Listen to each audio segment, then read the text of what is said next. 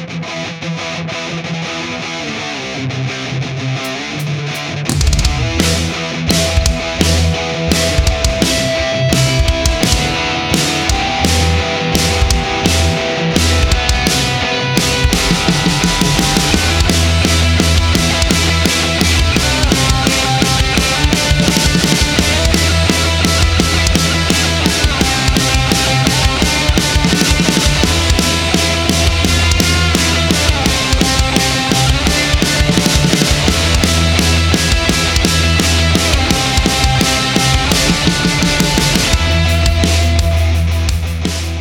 veckans avsnitt av Never to Loud ringer jag upp Sonja Skibdal som hade mycket att säga om att uttrycka känslor i sitt kreativa skapande. Vi hann diskutera väldigt många intressanta aspekter av Sonjas karriär och hon avslutar med att framföra en akustisk version av en av hennes låtar. Detta blir sista avsnittet av podden en tid framöver då jag får tillfället jobba med att färdigställa en debutskiva med mitt nya projekt. Debutsingeln släpps imorgon. Sök på Anselm på Spotify och leta upp låten Evig ifall nyfikenheten finns. Håll annars koll på podden i sociala medier. Ni hittar mig via NTL Podd på Instagram och Facebook.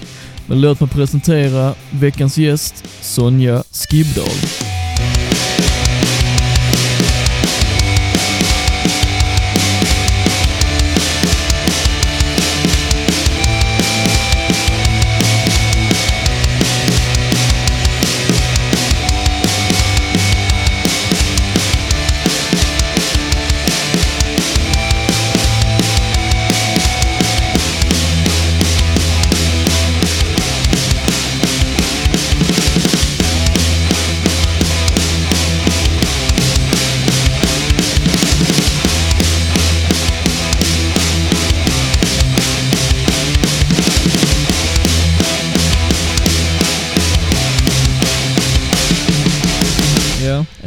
Läget?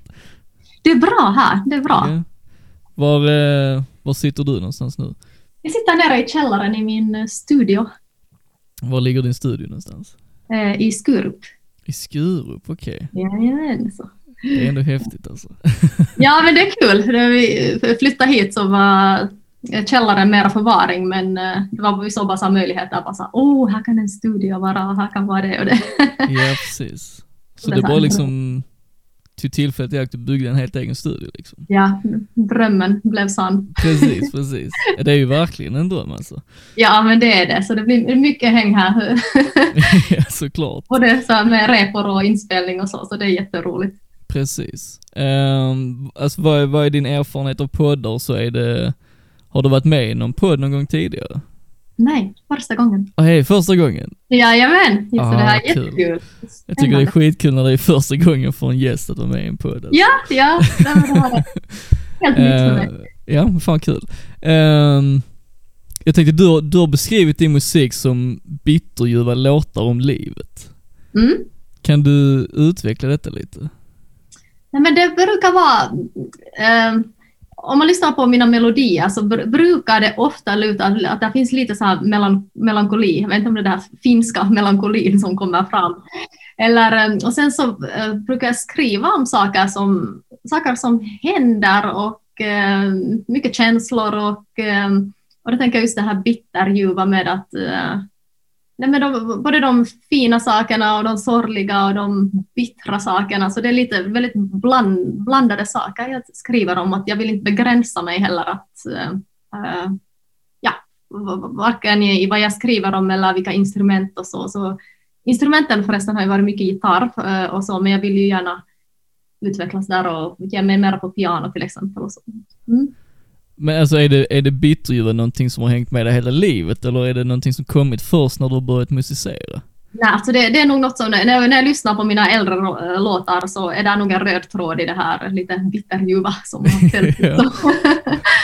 Var tror du, alltså var tror du det härstammar ifrån? Egentligen? Jag, jag tänker mycket att musiken är kanske en kanal som jag använder som, på ett eh, mer fritt sätt än vad jag gör kanske när jag pratar. Att Mm. det där känner jag att spärrarna på något sätt försvinner. Att, eh, sk- skulle det vara att jag skulle behöva läsa upp en text ra, rakt upp och ner så hade det känts jättenaket och jobbigt. Men när jag får sätta musik till så känns det på något sätt tryggare och friare och jag tror jag kan, uttrycka mig mer genom musik än vad jag kan göra genom att prata. Ja, ja, jag förstår. Men för, varför tror du det är så? Jag tror att det blir ett slags eh, filter eh, med, med musiken att, mm, och också att det blir eh, fritt för tolkning. Att jag tänker att kanske andra också kan relatera Ja. i det jag skriver om. Men att det, och, jag tror det har blivit en trygg, en trygg punkt för mig eh, att, att skri, skriva melodi till både känslor och händelser. Men känner du att det att musiken då fungerar som någon sorts terapi för dig liksom? Att, Absolut, ja. Jag brukar säga det att mu- musik är ju någon slags, äh, låtskriveri, någon slags terapi vad man får. Jag tänker alla konstformer, de som målar och dansar och äh, att det, det blir också, äh, man får äh, på något sätt bearbeta det som finns inuti en. ja. Alltså, jag har någon gång skrivit, någon gång var jag jättearg, så skrev jag en riktigt arg låt. Och det, det släppte liksom, istället för att Ja. skälla ut den här personen så skrev, skrev jag en låt om att, nej men känslorna, och då blev det liksom, det blev Såklart. bättre än arga sms eller så. Men är det just då liksom att du kan tonsätta det och kanske liksom färga dina känslor genom att höra toner och sånt, att det är på det sättet det blir som terapi? Jag tror att det blir ett sammanhang där, nej men precis. För där Ja. kan man ju styra lite med att, uh, nej men är det en glad låt eller är det en arg eller ledsen låt, att det blir ett, sla, ett slags lager till på Ja. det vad jag skriver liksom. Ja, Förstärker. precis, för annars är det ju bara en text som kan Mm. sväva helt fritt liksom. Ja, men precis. Och något jag tycker också är väldigt roligt, jag har tonsatt eh, mycket, eh, alltså även andras texter, och det har varit jättehäftigt att kunna sätta min tolkning på, på deras känslor och sen eh, är det alltid Okej. lika spännande att se hur de, åh, blev, blev det som ni hade tänkt eller ja. Så det är Ja. också jättekul med att det här, lägga till det här extra lagret. ja, det är ju väldigt intressant det där med att, att du då kan liksom skriva musik till någon annans text, för hur skulle du då säga att vad är den stora skillnaden där att tonsätta någons annans känslor mot dina egna? Ehm, det, det blir ju något annat för att då, då kommer jag ut ur min, alltså mina egna känslor och, och min egen bubbla men um, ofta så kan man ju ändå genom att läsa en annans text så kan jag ofta relatera till någonting att oh, Ja. jag, måste få fram no- något känslor från den. Eh, det blir ju såklart eh, det blir mer sp- spännande och nervöst för att det är någon annans Såklart. text jag tolkar. Ja. Men hittills har det mottagits väldigt positivt, så det är väldigt, väldigt roligt med samarbeten och så. Och en gång skrev jag en, en text om en tavla. Eh, och det var också väldigt häftigt, för då tolkade jag lite vad, vad som fanns på tavlan och sen använde vi tavlan Okej. i bakgrunden, så det var roligt. Men alltså hur, var det någon känsla du utgick då ifrån som tavlan gav dig eller? Ja, det gav en känsla av eh, att resa, kommer jag ihåg, och, då, och, Okej. och en känsla av frihet, och då, då blev det en låt som handlade det blev om en, liksom, en resa. Ja. Men hittar, alltså finns det andra saker som också ger dig inspiration på det sättet, då som tavlan gjorde till exempel? Eh, ja, det är ju alltid såklart uh, andra, andra musiker och andra, andra människor som jobbar med eh, olika kreativa saker Ja. eh, som inspirerar mycket. Men, det kan, men som sagt, händelser är ju ofta liksom... det kan vara också större händelser i livet om någon, någon ska gifta sig så här, tyckte om att Ja. en gåva och skriva en låt till dem och det är mycket sånt också. Liksom. såklart. Och ser man en film någon gång man får tänka, som berör, eh, då kanske det också blir något, något som väcker inom en och väcks inom en och då känns det bra att skriva om det. Ja. Men du skriver ofta som det som berör helt enkelt? Ofta blir det, blir det liksom det, något som Ja. är... Ja. Ja, jag förstår det. Jag tänkte vi backar lite bandet. Du eh, Ja. Tänkte höra när väcktes ditt intresse för, för musik från första början? Det har nog alltid funnits, funnits med. Jag vet att eh, pappa spelade mycket klassisk musik när Okej. jag var liten och mamma tog mig alltid med på opera. Så där, eh, och min moster är operasångerska och sen min eh, syster sjöng mycket också. Så det var mycket musik i hemmet. Även om mina föräldrar inte utövade ett instrument så spelades det mycket. Ja. Så när jag var sju år så skrev jag min första låt om en liten Okej. myra. En myra? Okej. Ja, en liten myra. Klockan Okej. fyra, så en liten, liten myra. Så det var typ en ramsa av något slag? Ja, men det blev lite precis, sen klockan Ja. fem och sen var det jorden. Så. och men sen så vet jag, det blev en liten paus. Jag, jag, jag började ta gitarrlektioner när jag var sju, men jag, jag, jag hittade aldrig liksom lusten då, utan då, då blev det som en slags press och jag, jag slutade. Okej. Vilket jag ibland tänker att, åh, tänk om jag inte hade Ja. slutat, att hur grym hade jag inte varit då? Ja, jo, precis. Å andra sidan tänker jag att jag kanske inte hade haft den här glädjen till musiken som jag har nu eh, idag om det hade blivit liksom påtvingat, att, eh, om mina föräldrar hade pressat mig att ah, nej, men du ska fortsätta spela och så. Mm. Ja. Så sen, sen blev det några år att eh, jag inte utövade någon musik. Jag, jag sjöng ju mycket så, men sen när jag var 15 så jobbade ihop till min första gitarr och sen dess har jag nog aldrig släppt den. Okej. Det har gått lite upp och ner hur mycket man spelar, men det har liksom... Såklart. Men eh, det du nämnde där att dina föräldrar lyssnar mycket på klassisk musik och opera och sånt. Mm. Det är ju någonting jag tycker jag känner igen i den musiken du skriver idag. Ja, så! Mm. Ja. Är det någonting du själv har eh, reflekterat över eller? Nej, det var faktiskt första gången jag hörde Okej. det. Vad intressant! Ja, men det kanske där är då det här med... Uh, alltså melodi... Jag, jag funderar... Hmm. Men det var jättespännande att höra. Ja. Jag, jag tänker väl mycket också att jag, jag vill inte, även om man absolut kan höra, speciellt när jag eh, kör Sonja Skibdal solo, så är det ju, man kan ju höra att det är jag och det är liksom samma stuk och så. Precis. Men sen med bandet Sorgen Fri, eh, som, där, som jag är med Daniel Pekovnik och Vidar Liljekvist, Ja. eh, där eh, har vi pratat mycket om att de inte begränsar oss till en viss genre. Att man, vi har ett sound, men att kunna leka oss fram mycket med musiken och, och inte begränsa oss. Så där kan jag tänka mig att det kan komma ännu mer inslag av... Nej, För det är ju ett vä- väldigt säreget sound oavsett ju. mm, vad roligt, vad roligt. Ja. Men var, var skulle du själv säga att det kommer ifrån i sånt fall?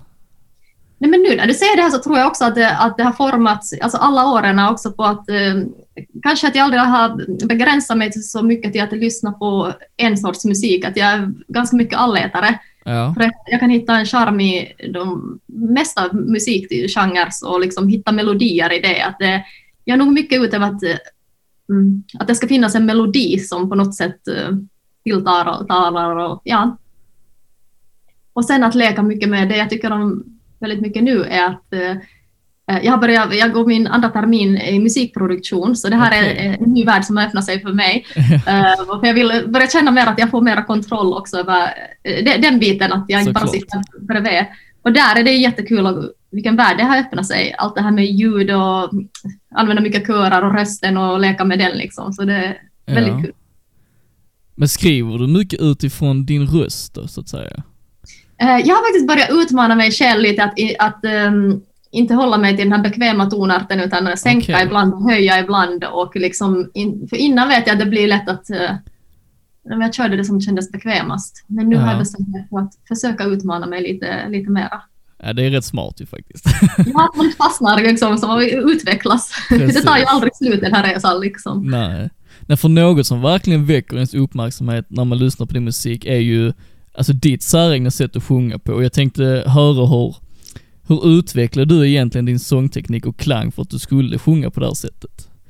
Okej, um, då, då, eh, vad kan man säga? Att jag har, det är nog att jag har sjungit, alltså, bara fortsätter sjunga och tycker att jag har verkligen hittat glädjen i det här med att sjunga och spela. Men sen har jag även fått eh, hjälp av min eh, moster som har gett lite coacha mig här via, Okej. jag har kört mycket, eller en del sådana sånglektioner via, via Zoom. Ja. Hon är i Finland.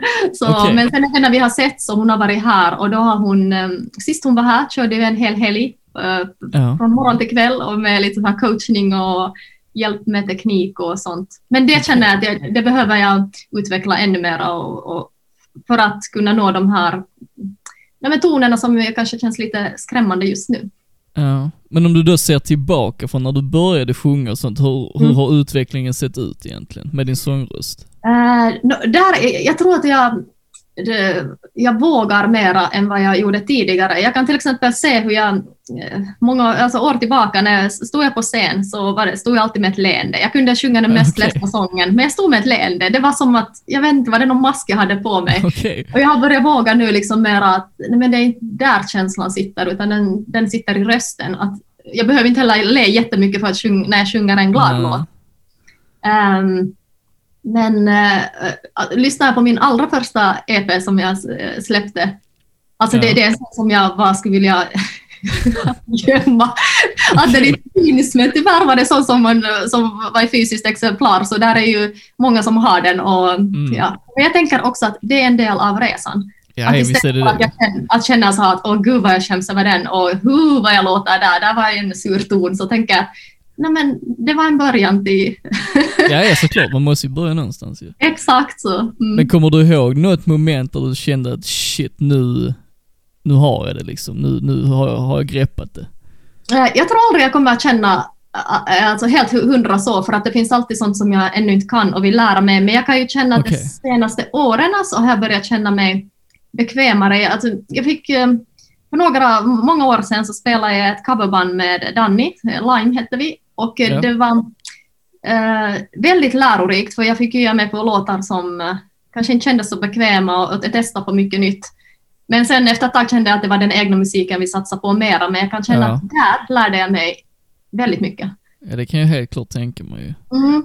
Nej, men och såklart genom att man, det, det här samarbetet med, med andra, eh, det tycker jag väldigt, väldigt mycket om. Även om jag själv vill bli mer självständig producerande så vill jag aldrig släppa samarbete med andra för att det ger väldigt mycket. Man eh, Såklart. utmanar varandra och eh, så både i bandet och med andra musiksamarbeten. Ja.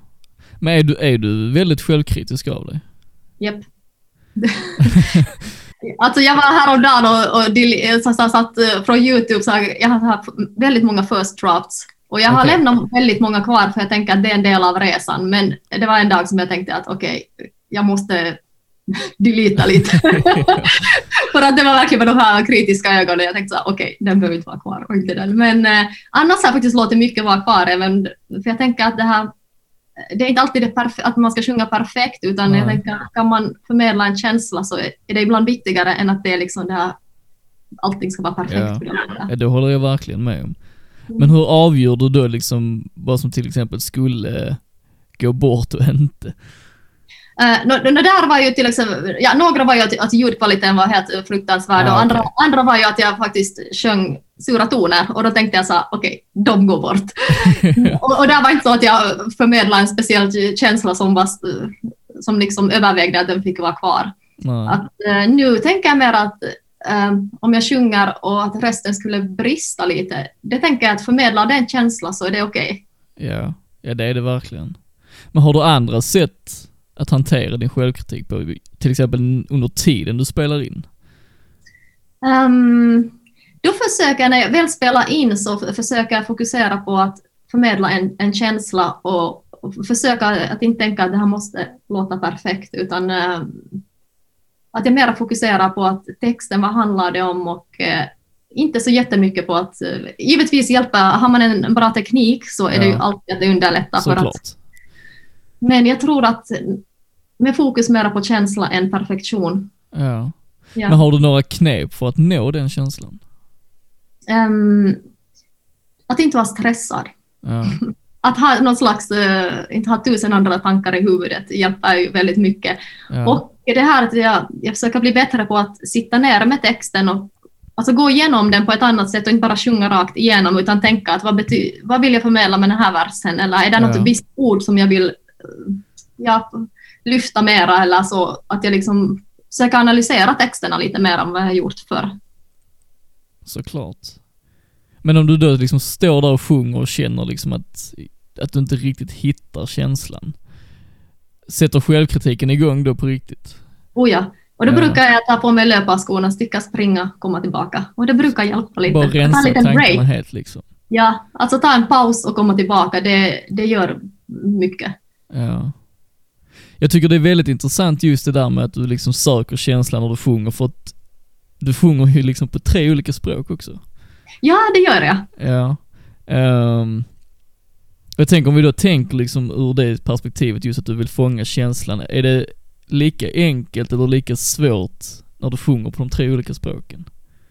Mm, jag tror ibland att språk, jag har lite, eh, eller känslan har lite ibland styrt vid vilket språk jag har, Okej. jag har valt. eh, eller humör. Jag, fast, jag tänker, fast i och för sig jag har nog blandat väldigt mycket. Att jag har nog sjungit glada och ledsna låtar på alla språk. Nu när jag tänker efter. Det kanske har varit... ehm, jag har fått höra att, att min röst ändras lite beroende på vilket språk jag sjunger på. Och det Ja. inte själv eh, hade jag inte reflekterat över förrän Okej. det var någon som sa det. Så jag tänkte att ja, jag kanske förmedlar olika saker på olika språk. Jag vet faktiskt inte. Ja. Men jag tänker, skriver du liksom på det språket du senare sjunger på? Eller? Ja, precis. Det gör du, det gör du. Jag, jag väljer att, okej, den här, jag, jag kan, det brukar vara att, att melodin oftast kommer före eh, texten. Jag har någon slags Okej. känsla. Och sen, och, och, och sen efter det så skriver jag texten och det är lite, där jag brukar då tänka att, men vilket språk ska den vara på? Och Ja. då börjar jag skriva texten, ja.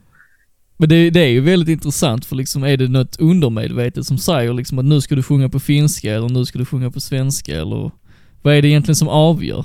Det kan nog vara något, nå- något undermedvetet, eh, det kan jag hålla med om. Och sen Ja. är det givetvis ibland att det är det till exempel em, att jag har, om den här låten skulle jag vilja att nå ut med, till folk i Finland och då, då kanske jag väljer finska även ja, om, eh, såklart, ja. Svenska och engelska går hem och, också. Liksom. Men det kan ju vara om jag har en specifik publik som jag tänker att de här vill jag nå, då kan det ju avgöra. Engelska är en sån som ja, når ut till ännu fler om man vill att folk ska förstå såklart. Precis. Eh, Men jag vill inte heller... Jag, jag är nog mera ute efter att um, skriva låtar som berör kanske en mindre grupp. Alltså, om du förstår mig rätt, att jag tänker att um, istället för att skriva, en, skriva låtar på ett sätt som man borde, när man följer vissa regler och så, Ja. så tycker jag mer om att hålla mig till den stilen jag har och sen att de som gillar det, de, eh, de lyssnar på det. Liksom. Att det är inte kanske det här mainstream som jag är ute efter. Nej, precis. Men tror du då till exempel att någon som inte kan, jag säger att någon som är svensk som lyssnar på din skiva och Mm. sen när en låt med finsk text kommer, tror du att de ändå kan liksom förstå den känslan du har skrivit låten utifrån?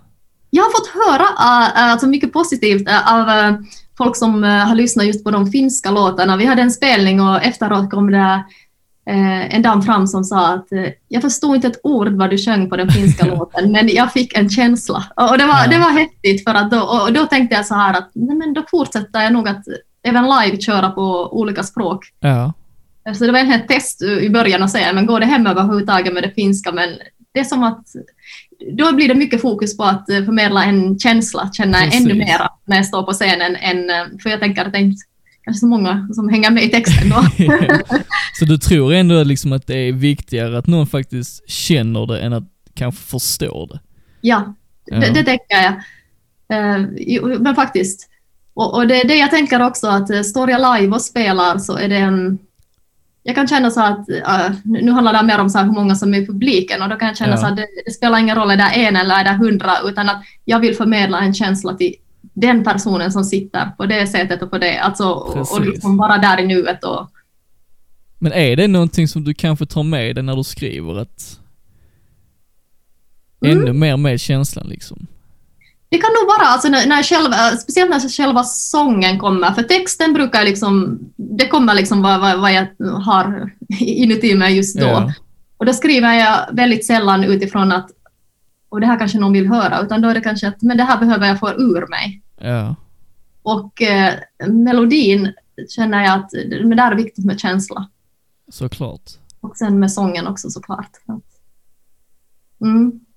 Men vad tror du att du kan förlora på att blanda tre olika språk?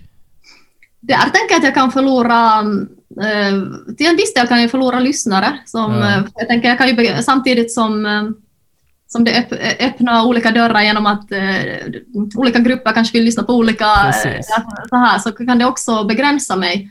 Ja, För, att, för, för de personer som kanske känner att nej, men jag vill faktiskt lyssna på något som jag förstår texten på. ja ju precis. Men vilket språk trivs du själv bäst att sjunga på? Jag trivs nog faktiskt bäst med att blanda. Jag, jag, jag, skulle, nog, jag skulle inte vilja ta bort någon av, Mm. någon av dem. I, i, ja, jag skulle inte vilja ta bort något. Men om vi leker med tanken att du måste. Jag- Okej, okej, om jag måste. Om jag måste.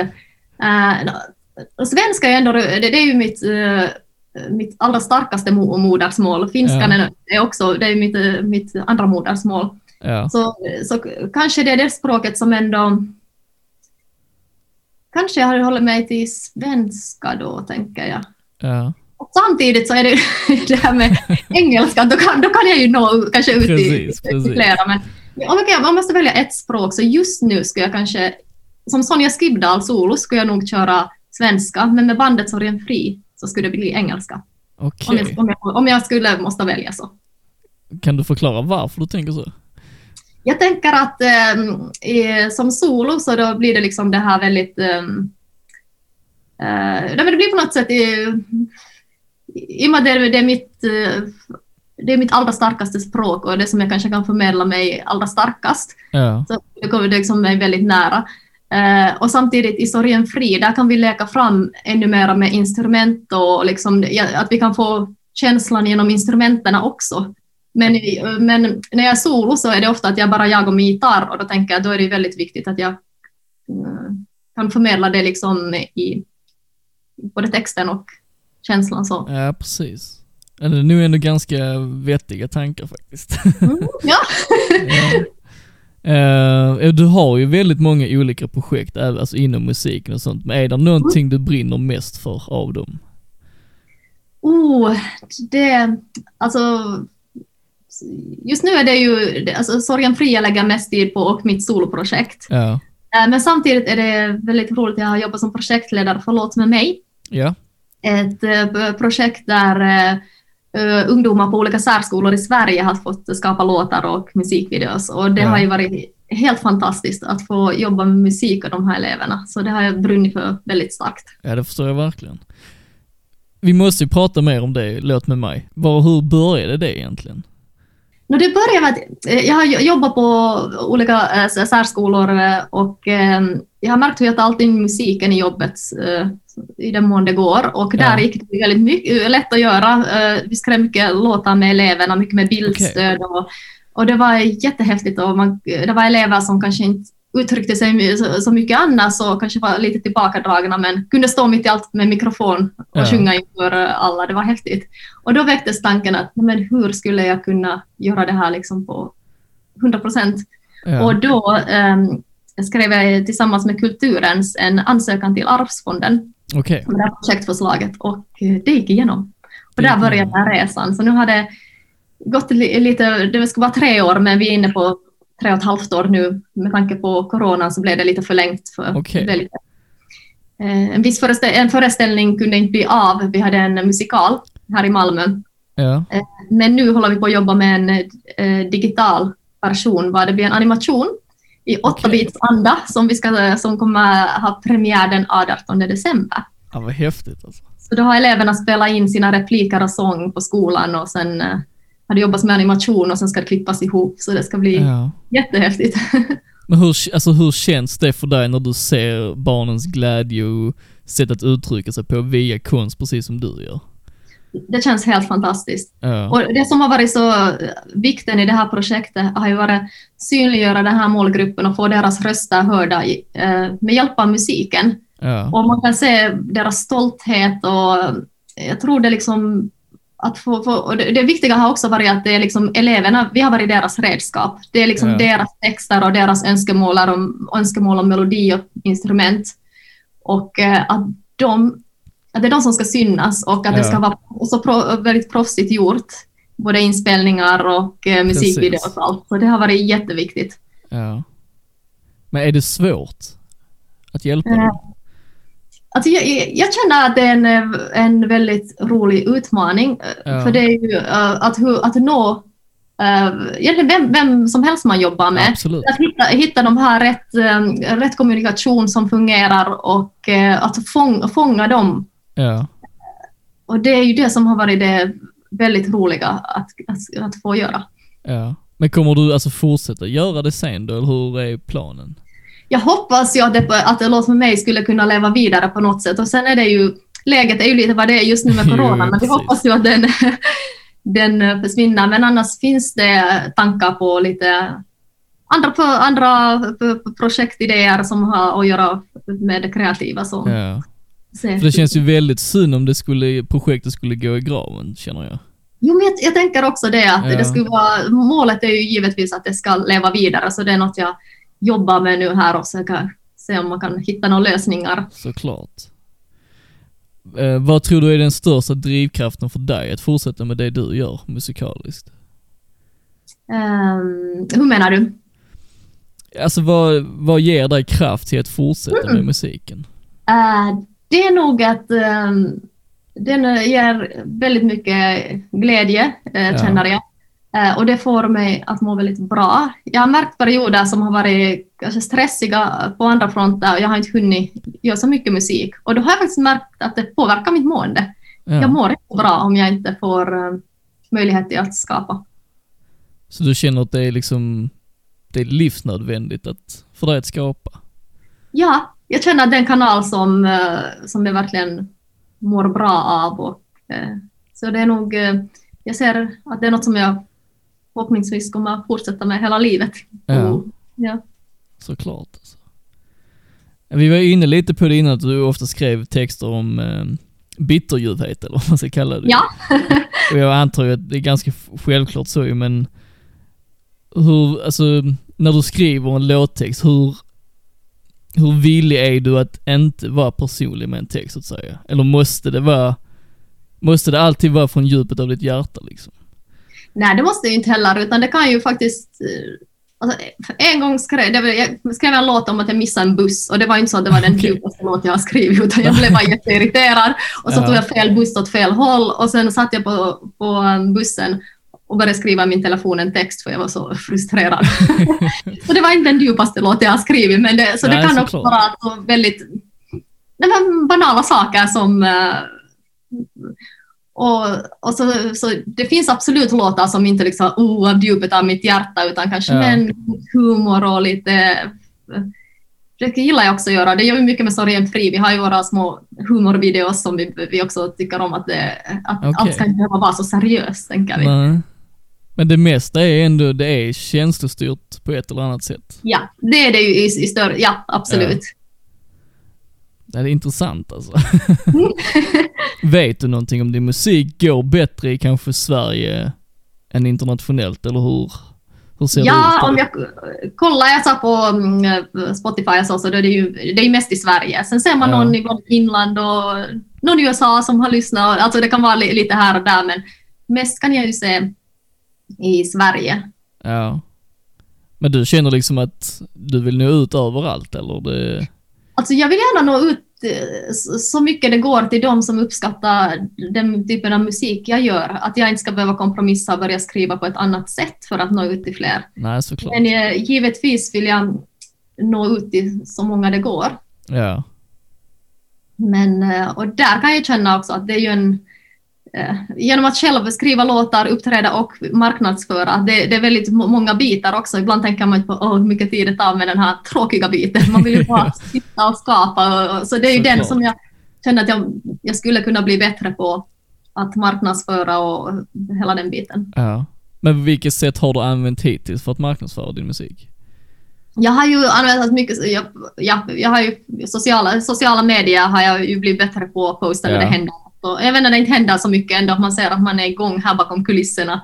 Precis. Och är det release så är det ju, skriver man ju eh, i tidningar, pressrelease och det här. Ja.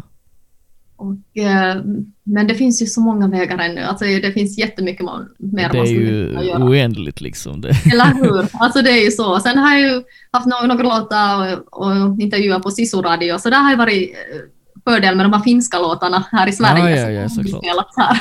Ja. Och nu är du med i en podd också så det Ja, precis, det är ju helt grymt det. precis. Ett steg Eh, till. Ja, helt klart alltså, verkligen. Mm. Eh, känner du att du har, eh, vi var inne lite på det innan tror jag, men känner du att du har ett visst sorts kontrollbehov när det gäller din konst? Åh gud ja. ja, Ja. det har jag. Jag, jag. jag har nog, och det är nog därför också jag kan tycka att det är så himla roligt det här med att eh, gå de- den här utbildningen, att jag får mera koll på att producera själv. Ja, Men samtidigt kan jag känna att väl i bandet, där har jag inte kontrollbehovet, utan Okej. eh, där känner jag att eh, som Danny, han är ju den grymmaste gitarristen och han är liksom, han kan sin sak och han Ja. tillför så mycket och, och vidare, basisten är fantastisk. Och då, då tänker jag att men de, de hanterar det här liksom och när vi Ja. tillsammans samarbetar då föds det någonting helt nytt och magiskt. Och det, det, där känner jag inte kontrollbehov. Okej. Jag kan känna kontrollbehov kanske på men, andra plan, kanske om det är något, um, kanske i projektet har jag ibland känt att det, det, har, varit, det har varit som min, eh, min baby. Det här. och då var liksom, jag var, eh, jag fick min dotter Molly här i, mitt i projektet.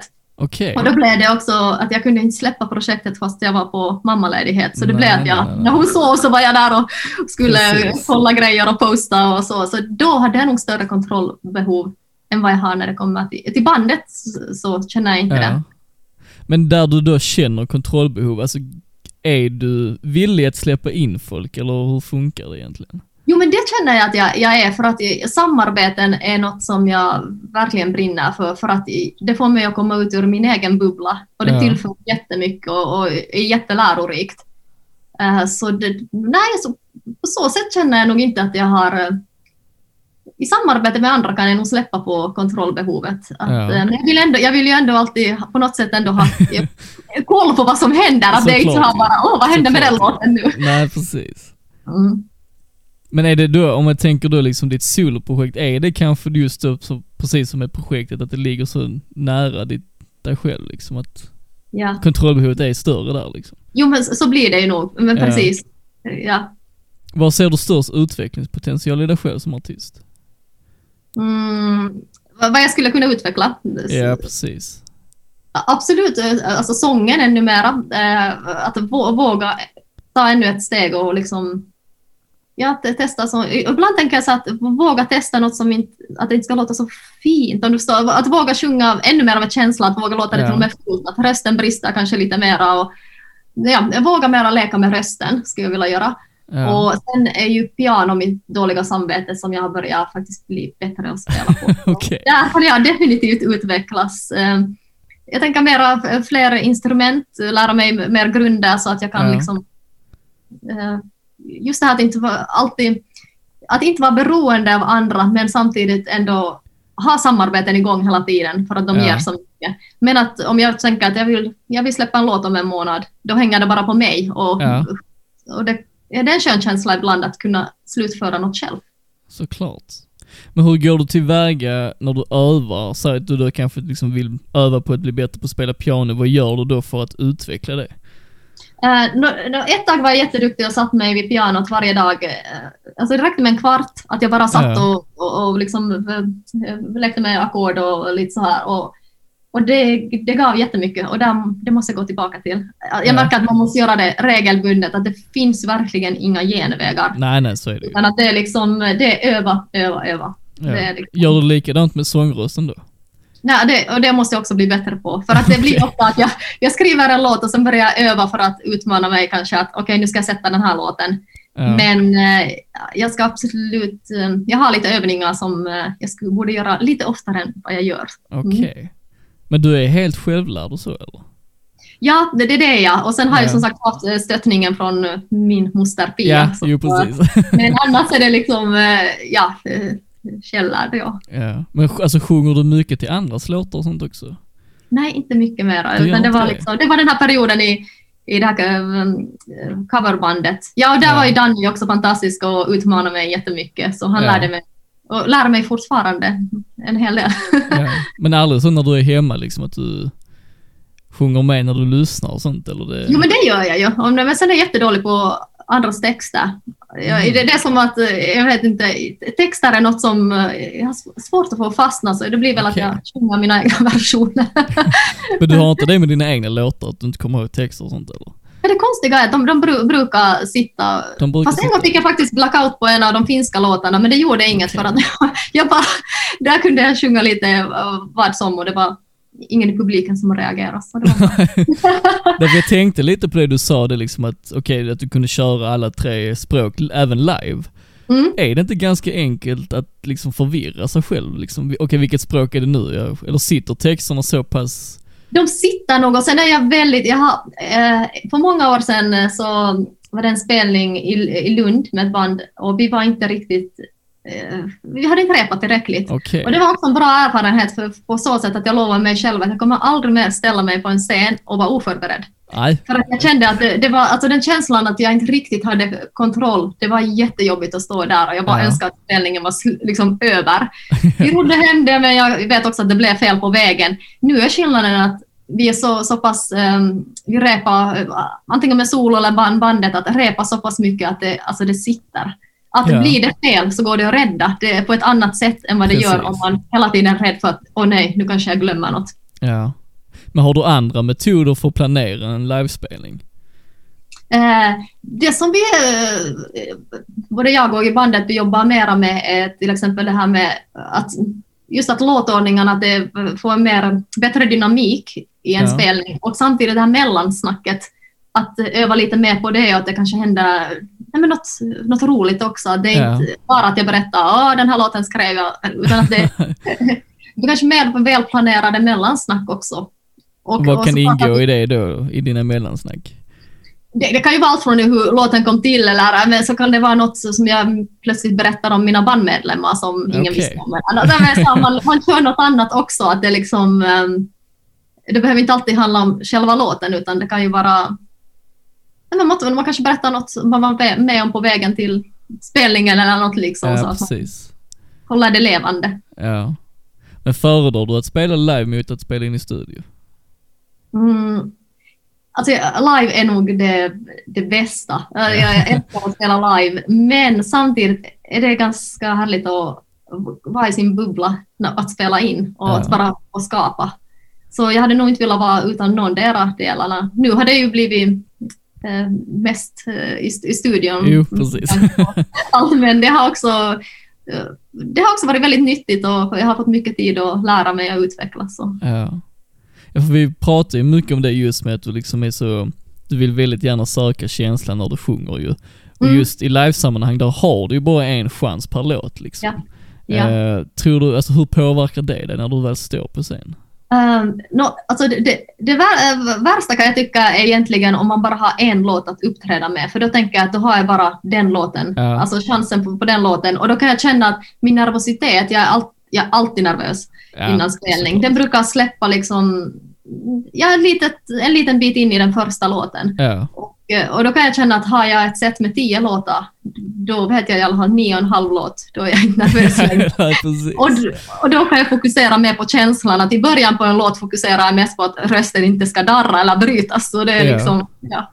Men hur skulle du säga att du kombinerar allt det just med att liksom vara frontfigur i ett band och samtidigt liksom försöka framkalla en känsla och leverera sångtekniskt på en och samma gång. Hur, ja, hur gör du för att liksom få allt det att funka? Nå, där till exempel eh, har jag försökt bli bättre på att sjunga upp för att rösten ska hålla. ja, Lite slarvig där. Så det är också något som, nej, det, det har jag blivit bättre på. såklart, såklart. Eh, känslan tänker jag mycket att, för, att vara här i nuet. Det är Ja. något som jag annars kan ha svårt med. Jag kan vara lite överallt, men i, i livesammanhang så kan jag känna att eh, det är en av de få gångerna som jag verkligen är i nuet. Okej. Och jag tror att det hjälper mig att kunna förmedla, förmedla känslan. Och sen är det givetvis att man har repat tillräckligt att man ska kunna, man behöver inte eh, koncentrera sig så mycket på att eh, åh, jag ska spela rätt, utan Ja. då finns det mer utrymme till att fokusera på att förmedla det vad man vill Ja. låta sig förmedla. Vad är det värsta som har hänt under livespelning? Mm, min allra första spelning i, det var i, i nian, eh, jag kan börja med Okej. den. Eh, Då, då, då vet jag att då, hade vi övat och övat och skulle spela, spela en låt. Och eh, sen, jag var ju såklart jättenervös men jag tänkte... Ja. Och sen så gick strängen av och det var bara Ah. så. Men eh, jag, gav, gav faktiskt inte upp där utan då satte vi på en ny sträng och slutförde låten. Så det var, Okej. där, där började det här med live. Men då har det, vad har det varit? Att det, det värsta, nej, men, någon gång att få helt total blackout. Det har ju hänt. Och, och eh, någon spelning eh, innan coronan, då fick, var det en av mina senaste låtar. Ja. Och det var nästan bara barré-ackord och då fick jag ju kramp i, Okej. handen. Men då var det bara att säga som det var. Jag var så här, "Ah, men sorry. Det var liksom, eh, Ja. det var inte med med det, utan nästa låt. som hade mindre barré. Men då när du fick blackout, alltså, fick du gå av sen då eller försökte du fortsätta eller? Uh, nej, alltså det, det, det, den gången, det var en gång som jag bara kände att jag kommer inte kunna rädda det här. Och, och då, då var det bara att säga att nej, men nu, nu händer det här som absolut inte får hända. Jag fick. Ja. Och sen var det liksom att eh, jag gav mig på nästa låt att det var ingen mening ens att försöka ge sig Nej, på det nej. om jag helt försvann. Ja, såklart. Vad är det bästa som har hänt på en livespelning? Eh, Det bästa... eh, d- nej, men det det är nog bara det här att, att, att spela igenom alla låtarna och den här känslan efter, men efter man har spelat. Det är det, Ja. Även om det är jättehärligt precis när man står där, så den känslan när det är över är också helt fantastisk. Man känner så att yes, vi, jag, vi gjorde det. Ja, Eh, och- Men det bästa är nog när man får känna att man får någon slags kontakt med publiken. ja, Eh, det, det kan jag känna. Och såklart om någon kommer fram efteråt och kanske säger, berättar något om, eh, om någon låt, att det, har, att det har kanske framkallat något känslor hos dem. ja. Då kan jag känna så här, wow, då har man lyckats om man har kunnat nå Jo, såklart. Blir, alltså, blir du stolt över dig själv då liksom? Jo, men det blir jag. Men sen är mitt problem är också att efter en spelning så blir det ofta att jag... Det är visserligen bra att man vill, man vill förbättra sig, men då, då blir det som att jag analyserar sönder hela spelningen och letar Okej. efter fel. Okej. Och då tänker jag så här, men åh, vad håller jag på med? Det här, ofta är det ju sådana saker som jag själv... Det är ju bra på så sätt att jag tänker att men då kan jag öva på det här mer till nästa gång. ja. Men istället för att kanske se helheten och tänka att jäklar, det, det här var, var bra. Det är något som jag Ja. måste bli bättre på. Att inte vara så självkritisk där. Men tror du att det även hänger ihop med kontrollbehovet? Ja, det gör det nog. Ja, Det gör det nog att man, och sen blir man så arg på sig själv om något Precis. går fel. Och bara, "Åh, Jag, gjorde jag?" Men vad skulle du säga är den största framgången i din karriär hittills?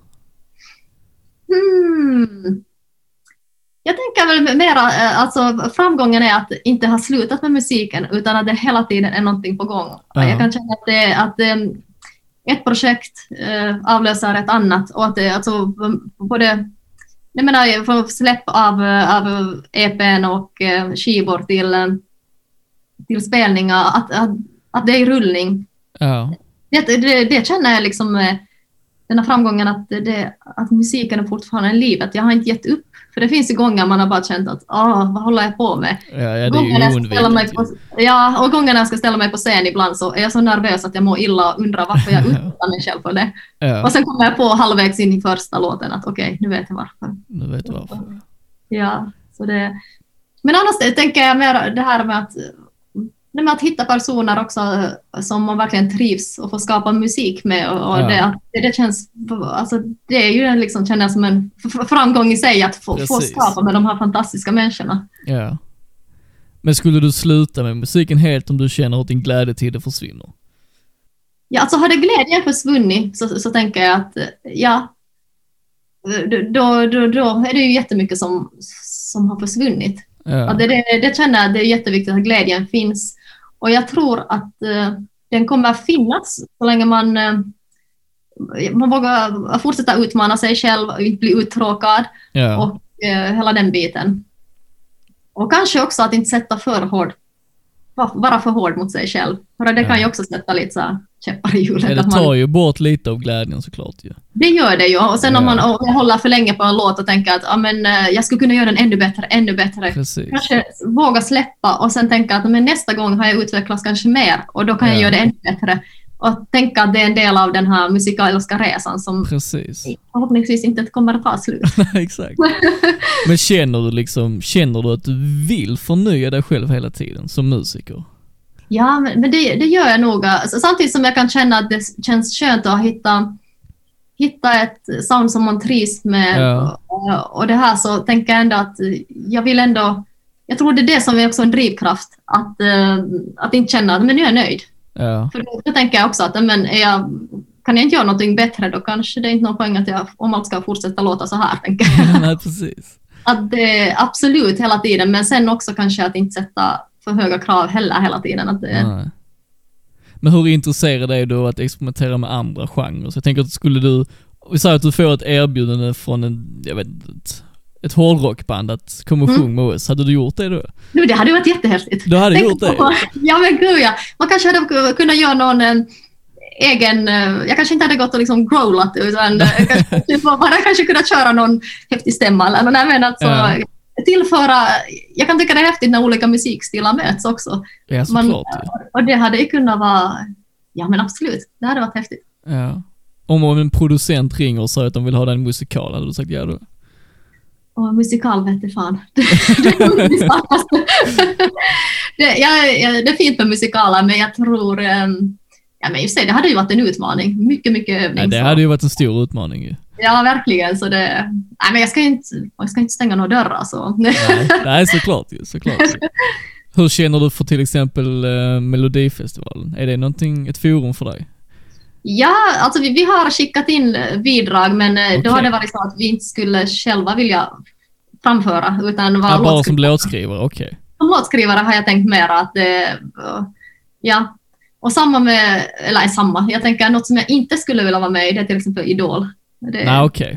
Det, det, känner jag att det är inte mitt, jag känner inte att det är mitt forum. De är fantastiska, de som är med där vågar ja. sig men...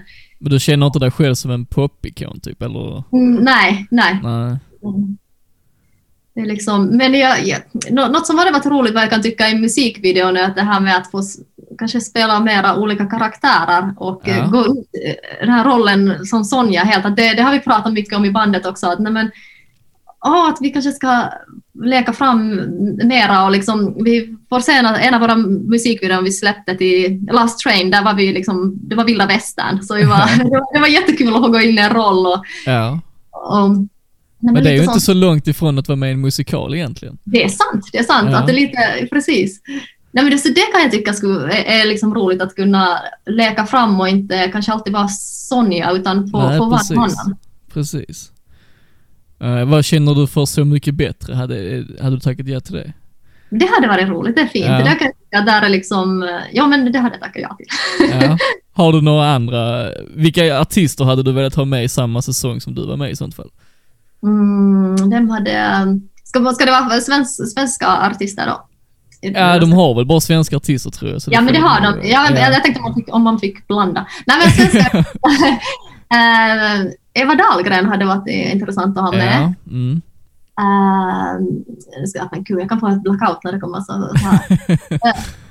uh, jag hade velat ha lite, alltså folk från helt olika Alltså, också olika genrer. Alltså, ja. Nu tänkte jag för, mest för att höra lite om deras musikaliska resa. Och liksom, jag, jag hade velat bland, blanda. Jag skulle vilja ha någon operasångare, ja. någon, någon som kör um, hiphop. Och, det var alltså jätteblandat. Och sen hade jag velat att vi alla gör en låt och slutar tillsammans. Men bara så här. Såklart. Varför ja. gör de aldrig det? Ja, eller hur? Varför gör de inte ens ja. tillsammans på slutet? Tänk, det hade varit det är jättemärkligt att de inte gör det faktiskt. Eller hur? De har ja. liksom, det hade varit lite häftigt se. Ja, verkligen alltså. Uh, men om du hade fått blanda in internationella artister i Så Mycket Bättre, vem hade du då? Uh, då en, av mina uh, idoler är Martha Wainwright. Uh, okay. henne, henne, hade jag velat... jag har sett henne live några, några gånger och ja ja, hon är en sån förebild. Hon har sån otrolig karisma när hon står där. Jag har sett henne både med sin egen, bara gitarren och hon och sen med full band och det är liksom okay.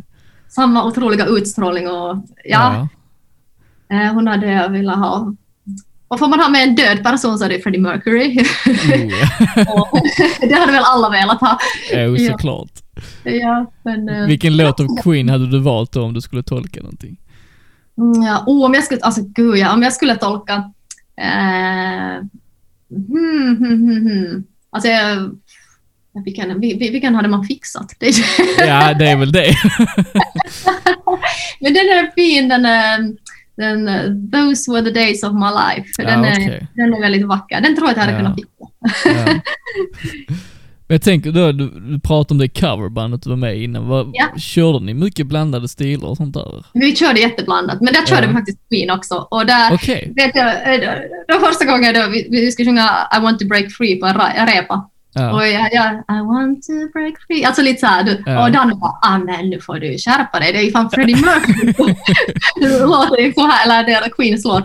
Och ja. då, då, då liksom fick jag öva väldigt mycket att, mer teater och använda liksom armar och öppna upp och våga sjunga mera. Inte ja. här snälla utan liksom mera uh, lite, lite mera power. Så det var ju det som vi jobbar mycket med i de olika låtarna, att få ja, vår röstteknik och att nej, men, inte sjunga så snällt och mässigt. Mm. Körde ni någon, någon annan rocklåt eller någonting som är ganska långt ifrån det du vanligtvis gör?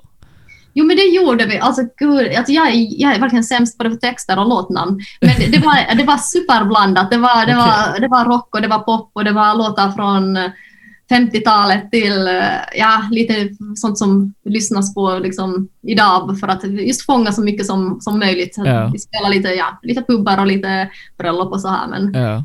så det var ju väldigt utmanande och eh, det var, vi hade väldigt roligt också när vi spelade men ja. sen började jag känna att tiden räckte inte riktigt. Det, det åt lite mycket av tiden till att kunna göra egen musik. Såklart ju. Så, Men skulle du säga att utan den erfarenheten så hade din egen karriär eller musik sett väldigt annorlunda ut idag? Jag tänker att jag kanske hade äh, legat lite efter i vad jag är sångmässigt med det här med att jag, jag känner att jag har börjat våga lite mera. Ja. Äh, så, det, så den biten kan jag känna att, äh, att har, har hjälpt mig, att det har hjälpt mig. Ja. Men eh, annars så det, och sen är det givetvis alla live-framträdanden ger ju erfarenhet och man lär sig väldigt mycket på det. Så, Så är det ju. absolut. Så är det ju. Verkligen ju. Och där var det mycket att vi showade och så, så det var ju, det var ju väldigt roligt. Vi klädde ut oss och ja, jag hade mustasch när det var Queen-låt Du ser ju nu, nu är du ju inne på spåret till musikaler igen ju. Men du, alltså, du, det här med musikal, det är kanske ändå där jag ska... Ja, det är, det är inte så långt ifrån faktiskt. Nej, det är sant, det är sant. Finns någonting att tänka på där. Men precis, det har väckt mig så här idé här. Ja. Men om, du, om en artist ringer dig och bönar och ber om att få ha med dig som förband på eh, en turné. Mm, Vilken artist är det som ringer då? Martha Wainwright. Det är det ja. Ja, jag, jag, jag skrev faktiskt eh, till, eh, när hon skulle komma till Malmö, så, Ja. så skrev jag faktiskt och frågade om de hade ett förband redan. Okej, Jag fick svar och de tackade för, och männen sa att de, de, de tyvärr redan hade förband. okej. Så, jag tänkte att men jag var en gång i Malmö så. Men där var du ändå touchade lite på den drömmen liksom. Ja men precis. Och så Ja. det, ja. Men är det, är det någonting du har gjort flera gånger, alltså mejlat till artister och sånt? Eh, nej, jag, blev faktiskt, eh, jag spelade på ett ställe som var den som kontaktade mig och frågade om jag ville vara förband till Emil Jensen. Eh, Det var en sommar. Och Okej. det var jag. Det var, det var jätteroligt. Han Ja, är, vad han är, ju- jo, Emil Jensen hade jag också velat ha med i Så mycket bättre. Ja. Men han är, Ja. han är han känns väldigt underskattad, gör han inte det? Ja, det kanske han jag tänker ändå att jag tycker det har börjat synas mer, mer och mer. Alltså det känns som det har, det har hänt ännu mer, för han är ju alltså, så otroligt fantastisk. Jag tror Ja. han har nått ut till, till fler än för, det var för, för något år sedan Ja. Men alltså otrolig. Och hans mellansnack. Alltså det, är- Okej. det, det är helt otroligt. Alltså, Okej.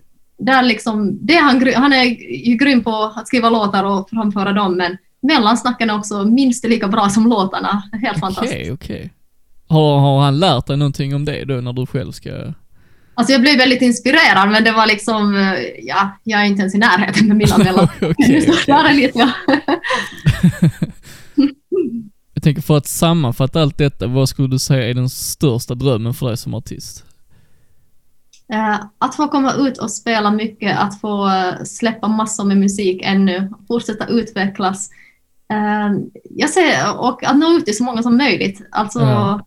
Genom att få turnera runt och genom att få släppa mycket musik. Jag känner att jag har något konkret mål att oh, jag ska stå på den scenen eller den eller utan mer att um, hmm. Nej, men att, att kunna och att få alltid ha möjligheten att jo- jobba med musik och att få mera tid till musiken. Att, Ja. Jo, jag har som mål till exempel att eh, längre fram att det är alltid skönt att ha ett annat jobb att kunna luta sig till, tillbaka på. Såklart. Men att kanske uh, ha det som 50 procent och sen 50 musik så har man liksom, att det är Ja. lite så praktiska saker. Det är också, då blir det ju också att man kanske inte behöver tacka ja till alla spelningar som man Nej, att man kan kanske välja, då har- ger det också en frihet att kunna välja lite mer av vilka spelningar Ja. och, och så, så det ser jag också.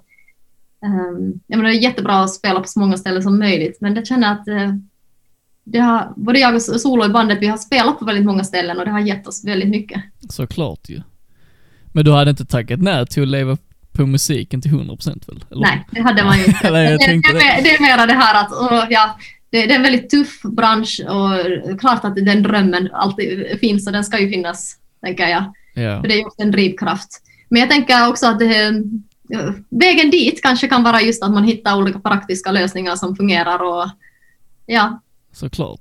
Men du skulle aldrig känna så att du vill liksom offra din eh, grundtematik i musiken just för kanske pengarnas skull? nej. Och Det är nog det aldrig att nej, nej, precis. Att det, jag, jag känner mer att eh, jag vill nog hålla fast vid Alltså att musiken ska vara, utgå från vad jag vill skriva och vad, alltså här att jag, som jag pratade innan, eh, det här med att eh, kommersiell musik är Ja. inte liksom min grej utan Nej, precis. ja, Men jag tror det är ganska vettigt att tänka så när man, när man vill köra sin grej helt enkelt. Liksom att, Ja. Hade det inte varit att jag kanske... Nej, nej jag vet inte. Alltså, ja. Nej, jag vet inte. Jag, jag känner bara att det, det kanske Ja. är nog, det, det är nog bäst för mig i alla fall. Att det är liksom... Ja. Men jag tror det kan vara farligt för ens, ehm, ens kreativitet om man har pengar som drivkraft, tänker jag. Ja. Jo men absolut, för det, det, kan jag också tänka. Och för där tänker jag också att skulle vara i den sitsen att jag är verkligen beroende av att och jag måste få in på allting och liksom Ja. Att det också då, då blir det på ett annat, annat, annat sätt, ja. Absolut. Har du något annat du skulle vilja tillägga eller säga nu när du har chansen så att säga? Oh, ehm, nej, vad skulle det vara? Jag, jag, jag kan berätta att vi kommer släppa en liten uh, jullåt på Youtube med Sorgen. Fri. Ja. Och sen håller jag på att jobba med en EP-skiva. ja. eh, med, med tre eller fyra låtar, inte riktigt bestämt. eh, Som, Okej. och, och som jag hoppas ska släppas någon gång under, ja, under våren här. Ja. Eh, och sen såklart kolla in den här musikalen, animerade musikalen som kommer den 18 december med Såklart. låt med mig. Såklart. Det är lite intressant där med eh, att ni ska släppa en jullåt, för att när man, det känns ju inte så långt ifrån ditt Ja. sound. Nej, ja, just det. Ja, känns hand i hand liksom. ja, ja precis. Och det, ju, det här är ju en lite annorlunda jullåt, så den är ju den är lite vemodig, men den vill även ge hopp, för att eh, Ja. det handlar mycket om den här tiden som är nu. Precis. Eh, och ehm, ja, och, men det, det, det kommer vi släppa. Det, det kommer bli en, en, på, på Youtube som vi släpper den, denna nu och vi är som vanligt alltid ute i- med våra jullåtar. Vi har pratat om att nästa år, ska, om vi ska skriva en jullåt så börjar vi i juli så vi har liksom mycket tid att kunna Ja, så här, ja. Här är vi igen, så här är det några veckor innan jul och bara fila på det sista Ja, liksom. såklart alltså. Men, eh, men det, det är roligt, det känns kul att släppa Ja. något. Men så framtiden ser ljus ut. Ja, det gör det. Ja. Skönt att höra. Ja, absolut, det, vill- det, det, det vill jag verkligen tro, det gör den. Ja. Jag eh, tackar dig så jättemycket för den här intervjun. Tack så jättemycket. Ja. Jätteroligt att få vara med. Ja, det var ju jättekul att du ville vara med. Eh, så tänkte jag att du skulle köra någonting akustiskt. Ja, jag tänkte spela låten You Fool. Ja, ah, vad härligt alltså. Mm.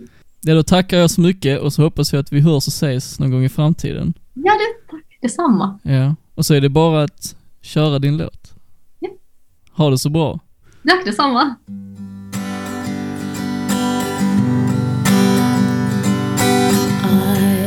Stopped chasing for memories from the past. I was all wondering if we're never lost. Times they change, and I'm happy that they